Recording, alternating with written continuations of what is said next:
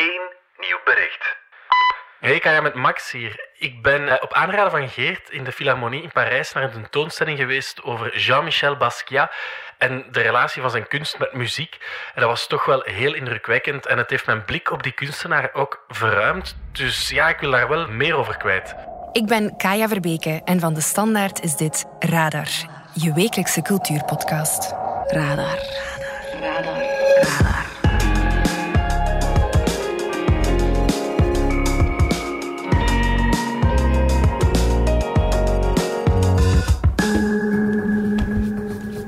New York, begin jaren 80. In een atelier ligt een groot doek op de grond. Een jonge twintiger beschildert het, laag per laag. Een doodshoofd, een saxofonist, een ambulance. De kunstenaar schrijft ook woorden op het doek, krast ze uit en schrijft ze opnieuw.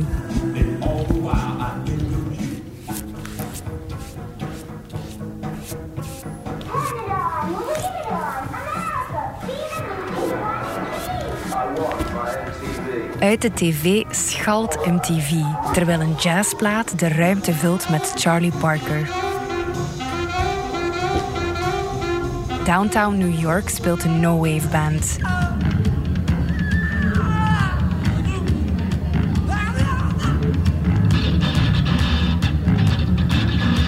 En in de Bronx weer klinkt hip-hop. It's like a jungle sometimes. It makes me wonder how I keep going under. Het is hier dat Jean-Michel Basquiat zich ontpopt tot de nieuwe rockster van de New Yorkse kunstscene. Zijn eerste werk verkocht hij voor 200 dollar aan de frontvrouw van Blondie, maar nu zijn zijn werken miljoenen waard.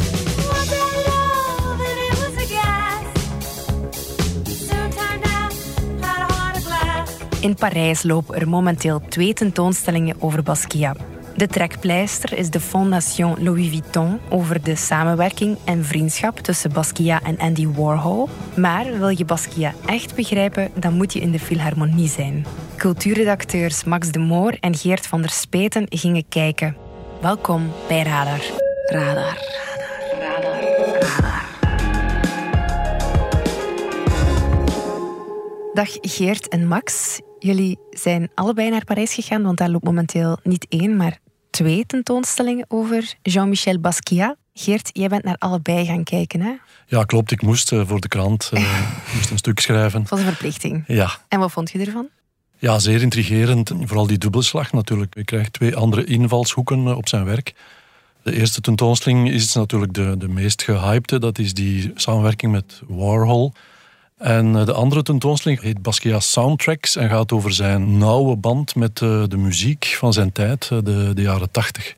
Die, zo, zo constateer je dan achteraf, eigenlijk wel een van de structurerende principes van zijn schilderkunst uitmaakt. Ja, en dat is ook op twee verschillende locaties. Hè? Dat is Klopt, niet de ene is ja. in de Fondation Louis Vuitton. En aan de andere kant van de stad bevindt zich La Philharmonie de Paris. Dat is eigenlijk het grootste concertgebouw van Parijs. Max, jij bent ook in de Philharmonie geweest, hè? Ja, klopt. Ik ging naar Parijs en ik vroeg aan Geert... Geert, als ik een expo moet gaan kijken, de welke is het dan? Uh, en het werd dus de expo in de Philharmonie uh, over ja, Basquiat en de muziek. Het intrigeerde mij ook wel omdat ik wel geïnteresseerd ben in de downtown kunstscene van New York in de jaren 70, 80. Toch wel een Ja. periode die heel erg tot de verbeelding spreekt en die daar wel tot leven wordt gewekt. Ik zou verwachten dat Geert de expositie over Warhol tipt, want die springt toch het meest in toch, en toch was het die over muziek. Ja, omdat dat een iets ja, levendiger uh, tentoonstelling is, die het werk een beetje buiten de witte museummuren Mm. exposeert. Het is ook allemaal heel donker als je binnenkomt. Het is allemaal op zwarte muren gebracht. En dan ja, met de muziek die via een ingenieus systeem altijd op bepaalde plekken te horen is en die op een of andere manier ook niet door elkaar begint te klinken. Het is niet dat het één grote chingle-changle is. Ja, Is het toch wel ja, een, een soort andere kunstbeleving. eens geen klinische witte museummuren. Nee, en dat is toch wel waar het werk beter tot zijn recht komt. Omdat het toch echt wel ja, uit de streets of New York komt. Ja, en waren jullie al fan van Basquiat toen jullie gingen gaan kijken naar de exposities? Ja, ik kende zijn werk maar alleen, maar van sporadisch is zijn werk in een tentoonstelling te zien. Uh, vijf jaar geleden was er al een, een tentoonstelling, de Barbican in Londen, die ook heel erg inzoomde op zijn leven. En, dat was wel een revelatie. Ontdekte meer de persoon uh, Basquiat dan de kunstenaar. En Ja, zijn, zijn leven is zo'n roetsbaan geweest. Hij heeft ook een steekvlamcarrière gehad die eh, amper 18 jaar geduurd heeft. Dat het interessant is om te zien wat hij allemaal meegemaakt heeft. Ja, Max en jij, was jij al fan? Ik was geen grote fan. Ik was wel bekend met het werk, omdat het zoiets is dat in het collectief geheugen zit. Bijvoorbeeld het, het kroontje, zo'n soort schetsmatig kroontje, de doodskoppen, een dino. Dat zijn patronen die altijd terugkeren in dat werk. En dat maakt het natuurlijk voor een groot publiek wel makkelijk om zich eraan vast te klampen. Ja. Stap maar een winkel van Uniqlo binnen en het hangt vol t-shirts van Basquiat, Warhol, Haring. Dus hij hoort echt tot die grote drie van New York. Maar tot mij persoonlijk sprak het niet echt omdat het wel redelijk schetsmatig is, zowat kribbelig. Maar dat maakt natuurlijk ook wel het werk wat het is, want hij heeft zijn roots als graffiti-kunstenaar. Samen met een vriend dat hij de artiestennaam Same O, wat ook staat voor Same Old Shit. Dus dat laat wel al zien dat er een soort ja, licht satirische Satire, ja. ja, een satirische toon zat in uw Ja. werk. Samen lieten ze dan zinnen achter in de Lower East Side, bijvoorbeeld de so-called avant-garde. En dat wekte meteen heel veel intrige op in die creatieve scene toen. Eh, Ja. Want iedereen wilde weten wie is Seymour. En dat bleek dus Jean-Michel Basquiat te zijn. En dan van daaruit is hij dan gegroeid naar eh, richting het galeriewezen. En ja, de, de kunstenaar die hij geworden is. Ja, hij heeft een heel boeiend leven gekend. Dat net zei je al, Geert. Een roetsbaan. Wat bedoel je juist? Ja, hij komt uit een mixed ouderschap. Zijn, zijn ouders kwamen uit Haiti en eh, Puerto Rico. Ze waren eigenlijk immigrés in eh, New York, waar hij in Brooklyn school gelopen heeft. Op zijn zesde kreeg hij een auto-ongeluk, waardoor hij lange tijd in het ziekenhuis bleef. Dat is blijven spoken in zijn werk, komt herhaaldelijk terug. Een rebelse tiener die op zijn zeventiende thuis vertrok en eh, een straatkunstenaar werd. Later gingen de drugs een eh, heel belangrijke rol spelen. Hij is gestorven aan een overdosis heroïne. En eh, heel eh, de tijd was eh, discriminatie op de achtergrond aanwezig. Men noemt Basquiat wel eens een boze zwarte kunstenaar. En dat zie je ook in zijn werk. Zijn boosheid richtte zich tegen de consumptiemaatschappij, bijvoorbeeld. Maar ook tegen racisme, ongelijkheid. Ik denk dat Basquiat ook boos zou zijn als hij te horen kreeg dat mensen hem zouden markeren als een boze zwarte kunstenaar. Ja. En was daar echt voor op zijn hoede, ook in interviews. Er is een fragment bijvoorbeeld dat iemand zijn werk primal of tribal noemt. and and so and you're you're seen as as some sort of uh, primal expressionism. Waarop hij meteen zegt, I mean, Like an ape? zoals een aap. well, uh, let, let's A primate? En die, die interviewer die verschiet natuurlijk. Hoe moet ik mij hier uitpraten? Die probeert een beetje, want tegen dan ja, is het kalf verdronken. well, don't know. Is that is that You said it. I don't. You, you said it. well? Okay, um, Hij wou eigenlijk serieus genomen worden als kunstenaar. Zeker, en bijvoorbeeld ook, hij woonde samen met Susan Mallouk, zijn vriendin. Hij bracht geen geld in het laadje. Hij heeft dan ooit, zei zijn vriendin, maar ja, kom, nu moet je toch iets van de huur betalen. En dan kwam hij terug, een dag gaan werken aan de Upper East Side. En hij zei echt, sorry, ik kan dit niet doen. Ze behandelen me daar als een slaaf. Laat mij gewoon schilderen. En, Ja. en dat is dan uiteindelijk hoe het ook tussen hen gegaan is. Hij schilderde, zij ging uit huis om, eh, om te werken. Ja, maar van kunst in de straten als graffiti-artiest naar een galerie, dat is nu wel geen gemakkelijke weg, lijkt mij. Nee, het moment was daar. In 1981 was er een tentoonstelling die heette New York New Wave. New York New Wave. Alternate spaces specialize in showing the most recent developments in art. waarin de nieuwe tendensen aan bod eh, kwamen. Het was ook niet echt een galerietentoonstelling, maar buiten het circuit een beetje. And perhaps nothing is newer and more contemporary than the exhibition we'll see today. En daar waren verschillende opkomende kunstenaars aanwezig, maar wie er uitsprong was natuurlijk Jean-Michel Basquiat. En toen realiseerde men zich van, ha, dit is Semo en dat is de kunst die hij maakt. En dan ging het heel snel. Hij werd plots de rockster van het eh, kunstwereldje in New York. Dus hij werd dan ook wel echt serieus genomen als kunstenaar. Ja, hij werd wel echt heel erg omarmd in die, in die downtown kunstscene. Maar dan tegelijk, zijn, zijn werk begon heel goed te verkopen.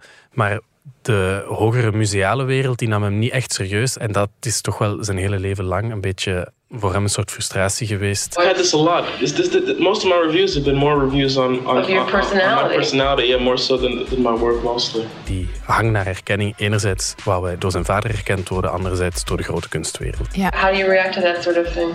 Racist, most of these people. Ja, en daarom heeft Basquiat ook een samenwerking aangegaan met eh, Andy Warhol, de Silver Prince of Pop, die in de jaren 60 groot was geworden, maar in de jaren 80 echt de paus van eh, de kunst in eh, New York was. Basquiat had hem twee keer ontmoet. De eerste keer vergeefs. De tweede keer had hij een, een t-shirt van hem gekocht, geloof ik. Want hij was ook modeontwerper. Tussen Basquiat was modeontwerper Ja. ook. Ja. Eh, en de derde keer is het dan tot een samenwerking gekomen. Ja. Waar we het later gaan over hebben. Ja, inderdaad. We gaan het straks nog hebben over eh, de expositie Basquiat Warhol. Maar het is eigenlijk vooral dus de expositie in de Philharmonie die jullie anders heeft doen kijken naar Basquiat's werken. Klopt, het is muziek in twee delen van New York. Je hebt de downtown scene en de uptown scene. Eh, uptown, dat is dan de Bronx eh, en Harlem. Waar toen net de hip-hop begon te floreren, eh, de opkomende zwarte muziek, eh, die ook een nieuwe manier van bewegen betekende. En ook een nieuwe manier van zingen, spreken, rappen. We rock and don't stop. Well, it's the super cat, the vandalistic, and theological, mythical, stranger, techno, bag of tricks. This is the way we get our kick. We're qualifying, rectifying, rocking till the day we die. And every time you scream and cry, we're here with no deny. En dat soort van vibe eh, vind je ook terug in de kunst van Basquiat. Er komt heel veel tekst voor in eh, de schilderijen van Basquiat. Ja. En die staan vaak op repeat. Er zit een rijm in, of een binnenrijm, of een alliteratie. Het zijn woorden die, ja, die je bijna muzikaal hoort. Zo de muziekscene waar dat Basquiat in zat, wat moet ik me daarbij voorstellen? Ja, in Downtown had je natuurlijk de, de New Wave scene en de No Wave scene. Want No Wave was een beetje de kunstzinnige, het kunstzinnig afzetten tegen de glamour van New Wave muziek. Dat waren bands als, als Sonic Youth bijvoorbeeld, Ja. eh, James Chance. Dat was heel atonale muziek, veel improvisatie. Grafisch gaf dat ook vaak zo'n soort punk-achtig zwart-wit werk op. En dat voel je ook wel in het werk van Basquiat, waar dat dan ja, de improvisaties daarin, dat schreeuwerige punkachtige ook wel. En ja, dat, dat schetsmatige, daar zie ik toch wel echt die referenties. En hij zat ook wel in die wereld. Was bijvoorbeeld ook goed bevriend met Glenn O'Brien. Was op dat moment in dat klikje, want dat was het ook echt wel. Hè. Die scene noemde het blijkbaar ook eh, Downtown 500 of Downtown 600, omdat het ongeveer 500 man was die elkaar allemaal goed kenden. Ja. Dus, eh, en hij hoorde daarbij. En Glenn O'Brien die had dus een, een tv-show, TV-party, een soort talkshow. Hi, and welcome to TV Het Parties, is geen klassieke talkshow. Hè. a TV show that's a party, but which could be a political party. Een beetje rock and roll. Rock en roll en ons kent ons. Ja. Ja, het zou ook Glenn O'Brien zijn die dan een film zou draaien waarin Basquiat zijn debuut maakte als eh, acteur. Een soort van bohemien-artiest speelt hij daarin, die door eh, Lower East Side loopt met een schilderij onder zijn arm en eh, onderweg prostituees en clubuitbaters tegenkomt. The city looked big, and I felt big, because I was part of the landscape. I'm an artist. When you tell people that, they usually say, What's your medium? I usually say, Extra large. Een film die in die tijd nooit is afgewerkt, maar dan uiteindelijk wel in 2001 gehermonteerd is. En nu te zien is ook eh, gedeeltelijk toch in eh, de Philharmonie in die tentoonstelling. Ja, dat was een van mijn favoriete stukken in de tentoonstelling. Omdat je dan ook echt die straten ziet. Je ziet hem erdoor wandelen. En natuurlijk, ze mythologiseren het wel. Ze gaan filmen op de plek waar dat New York er echt het meest uitziet als een oorlogszone, denk ik. Maar het maakt wel indruk, omdat je toch denkt van, wow, wat een stad. Als je het zelfs een stad kunt noemen. Het was bijna failliet op dat moment en dat zie je. ja, want New York in de jaren 70 en 80 was wel echt heel interessant, hè? Heel interessant en heel ruw. Daardoor kwamen er natuurlijk heel veel muzikanten, artiesten op af, omdat die konden gewoon heel goedkoop leven. En dat beeld hebben natuurlijk, de loft zonder warm water, waar dat iedereen gewoon naartoe kwam om het te maken als kunstenaar. Denk maar aan Patti Smith, die dat heel erg mooi eh, tot leven werkt in, in het boek Just Just Kids, inderdaad. Ja, wat me toch wel opvalt, toch, dat zijn mensen die naar daar komen om kunstenaar te worden en nog niet echt een medium hebben. En dat zien we toch ook wel met Basquiat. Ja, begon als graffiti-kunstenaar, dan op een gegeven moment even met de bandje Grey, ook ergens in die no wave scene, een soort improvisatie, eh, punk jazz probeert te maken en dan Ja. uiteindelijk besluit om visueel te gaan. Dus hij maakte zelf ook muziek. Ja, hij was klarinetist en eh, soms ook bediende hij de synthesizer. Maar hij was eigenlijk de bandleader van het groepje Grey.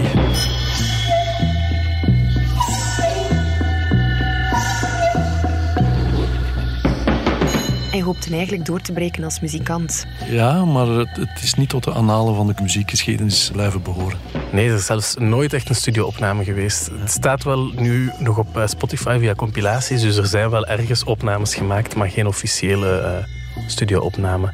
En dan heeft hij natuurlijk ook nog een hippoplaat geproduced. hiphoplaat. Ja, samen met de muzikant Rammelsy was dan binnen die uptown scene was dat een van zijn, van zijn beste vrienden. Dus je had dan eh, Fab Fry Freddy, dat was een goede vriend van hem die dan ook mee in die, eh, Bronx scene zat. Dus Rammelsy, daar ging hij dan hip-hop mee maken. En dat was dan de plaat Beatbox. Get funky is like this pathetic dope addicts have to be abused. It's just ain't what a thing to be a prostitute. Life is given to us just to do the right thing. Instead of that, we came a whole wall with big dope fiend. Zijn credit als producer die hij toch ook gehaald heeft. Hij had een enorme platencollectie, eh, echt duizenden platen blijkbaar. En dat ging dus ja, van, van klassieke muziek tot ja, jazz, wat voor hem toch wel een, een vormend genre is geweest, tot aan die no-wave, tot hip-hop enzovoort. En ja, daardoor dat hij ook wel af en toe gevraagd werd als DJ. Ja, terwijl hij aan het werk was, stond er altijd muziek op, eh, blijkbaar. En niet alleen maar vanuit één kanaal, maar tegelijkertijd bewogen de clipjes van MTV over het scherm. En had hij een vinylplaat opgelegd. Er was voortdurend rumoer aanwezig. Ja, dat moet echt wel een chaos zijn geweest in dat atelier. Zijn galeriehoudster die zei van, ja, ik, ik was dan met mijn paraplu of van mijn schoenen aan het stampen naar beneden om te zeggen, alsjeblieft doe het een beetje stiller, want daar was hij dus aan het werken. Hij ging heel roekeloos om met zijn kunstwerken. Dus hij, hij, hij liep daar rond terwijl die muziek staat te knallen. En dan zei hij van, ja, je kunt eigenlijk mijn kunstwerken herkennen, de periode, aan de sneakers die ik had. Want ik stapte gewoon over mijn werk heen en die, die voetafdrukken die zijn daar soms in te zien. Dus kijk, zo kan het ook. Ja. Maar dus Basquiat luisterde ook vaak naar jazz. Ja, jazz was natuurlijk in essentie zwarte muziek. Hè. Basquiat had veel zwarte helden, eh, boksers, atleten, maar ook muzikanten. En zijn grootste held was Charlie Parker. Komt heel vaak ook eh, aan bod in, eh, in zijn kunst.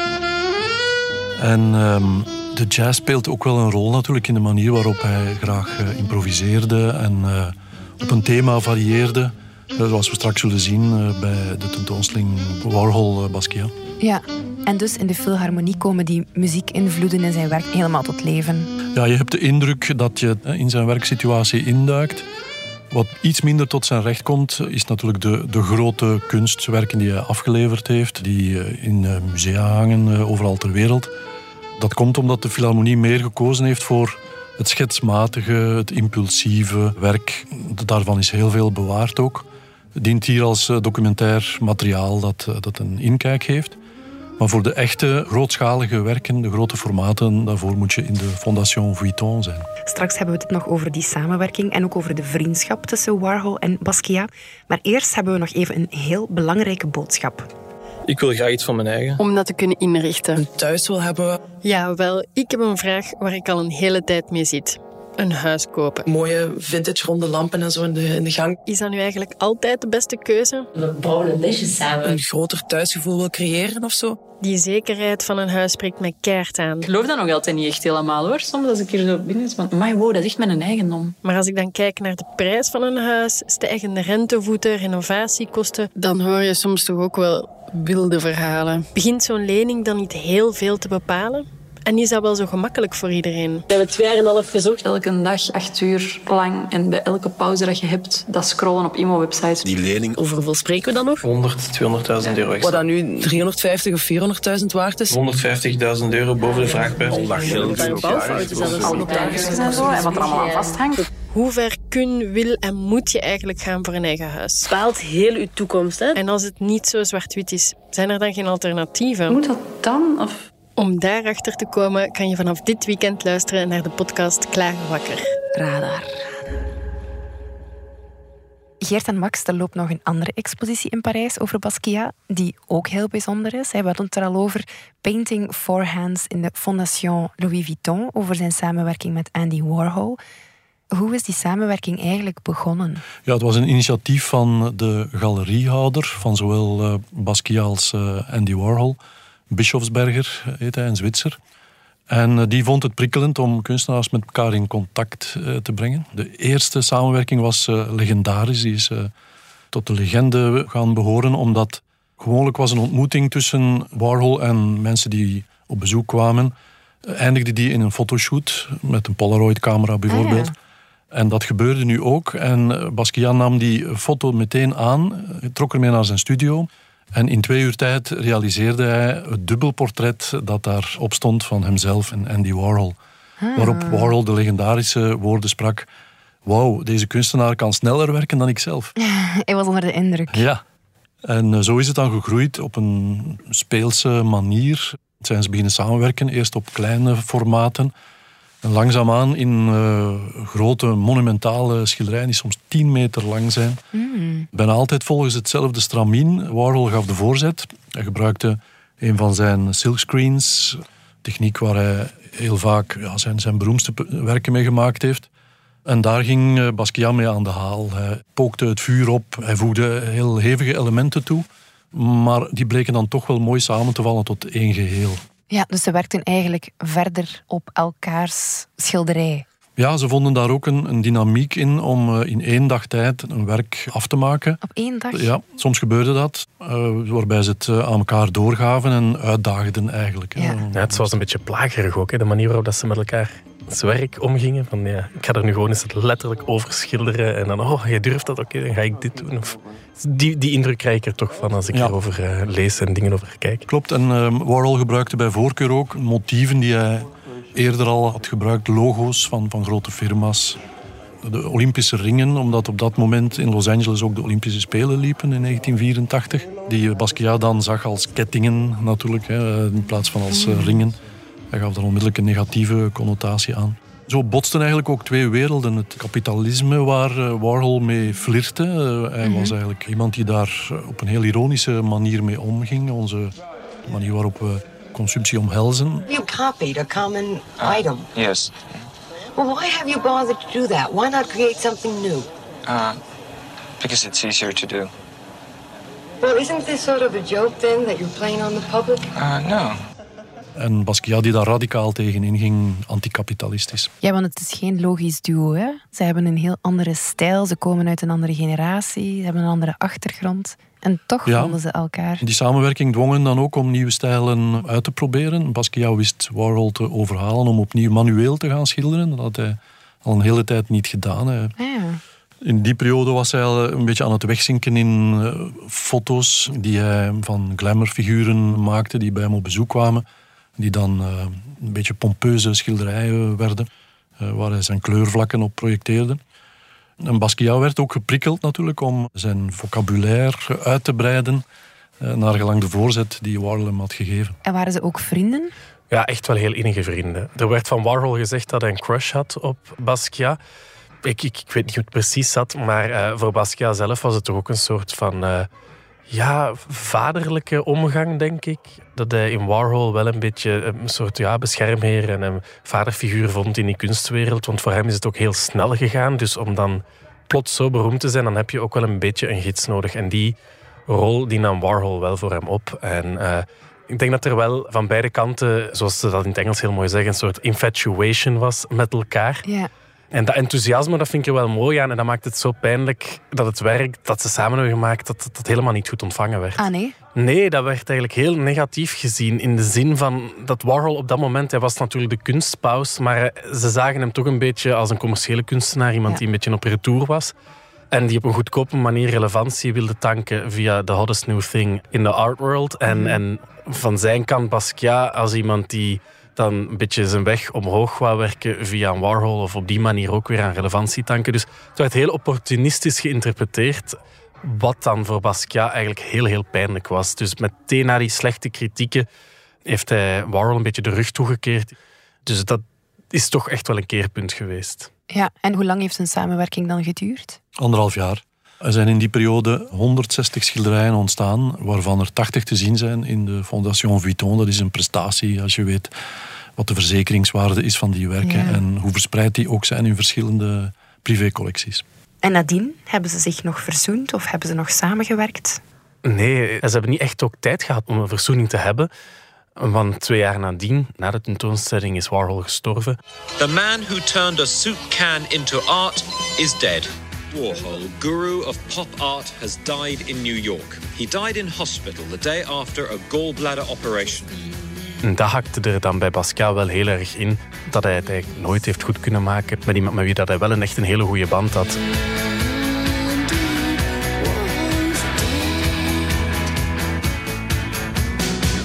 En dat heeft hem dan ook echt wel verder doen afglijden in zijn heroïneverslaving, wat dan ook uiteindelijk zijn dood is geworden. Ja, hoe lang daarna is hij dan gestorven? Een jaar na Warhol. Ah, dus. Het is misschien een beetje te direct om te zeggen van oh, het, het een heeft het ander veroorzaakt. Maar er is wel, het is wel een, een, Een extra druppel. geweest. Ja. Nu, Basquiat heeft dus een heel korte carrière gehad en toch praten we meer dan 30 jaar later nog steeds over hem. Hoe komt dat volgens jullie? Ja, ik denk wat zijn werk tot op vandaag doet aanspreken is het multidisciplinaire. Hij begrijpt toch echt qua invloeden een beetje uit, uit alle emmertjes, uit alle bakken, uit alle, alle mogelijke dingen. Mhm. Hij laat zich echt niet beperken tot eh, één hokje. En dat is iets dat we toch wel, zeker nu, zien als iets zo post-internet. Alle, alle grenzen vallen weg en je doet Mhm. maar gewoon wat je inspireert. Ja, dat, dat was Basquiat natuurlijk al veel vroeger mee bezig. Ja, zijn kunst was natuurlijk ook zeer radicaal en inventief in die tijd waar, eh, waar we de naweeën nog beleefden van de abstracte kunst en het eh, minimalisme. Het was eh, brand new en dat is het vandaag nog altijd. Het is nog altijd fris, rauw, nog altijd heel sterk gedreven door een puls. Het valt op, ja, soms gebruikt men wel eens de term veralgemenend bad painting. Hè, dat met opzet dingen lelijk worden voorgesteld. Eh, dat was het niet. Het, het is bij hem denk ik eerder radicale motieven gebruiken en eh, snel en gedreven eh, werken. En eh, dat maakt hem vandaag nog altijd eh, zo'n fascinerende figuur. Ja, en als we nog willen gaan kijken, kan dat nog? Tot wanneer lopen de exposities? Ja, nog een hele tijd. Eh Basquiat's Soundtracks in de Philharmonie loopt tot 30 juli. En eh, de samenwerking Warhol-Basquiat in de Fondation Louis Vuitton tot 28 augustus. Lijkt mij ideaal voor een citytrip in de lente of de zomer. Dank jullie wel, Geert en Max. Graag gedaan. Graag gedaan. En ik heb hier nog een extra cultuurtip voor jou. Radar. De tip komt deze week van... Doreen Hendricks, social media redacteur. Wat is jouw tip? Het fantasyboek Het Gouden Rijk van Chakraborty. En waarom? Wel, het is het sluitstuk van een van mijn favoriete fantasyreeksen ooit. Het gaat over de jonge oplichter Nari die in de straten van Cairo probeert om een djinn, een soort van vuurdemon, op te roepen. En dan lukt dat ook echt en dan blijkt dat zij er eentje is. En op die manier belandt zij in de magische stad Deviwat. En ja, ze, ze belandt daar in een soort van slangennest, in een eh, soort meegetrokken in politieke steekspelletjes. En ze moet er dan maar zien te overleven. En in elk boek is het zo dat de spanning opgebouwd wordt en opgebouwd wordt. En in dat laatste boek komt dat gewoon allemaal super mooi samen. Die strijd die daar losbarst op het einde, dat is zoiets waar de Game of Thrones fans van kunnen dromen. Want die hebben dat nooit gekregen. Dit is echt gewoon een geniaal slotstuk van een zalige serie. Het Rijk van Goud of The Empire of Gold van Chakraborty. Dat is pas vertaald en de editie is echt een hebbeding op zich. Bedankt voor jouw bijdrage. Thanks for the tip. Radar. Zo, dat was Radar, de wekelijkse cultuurpodcast van de Standaard. Alle credits vind je op standaard.be-podcast. Bedankt voor het luisteren en eh, tot volgende week. Hè.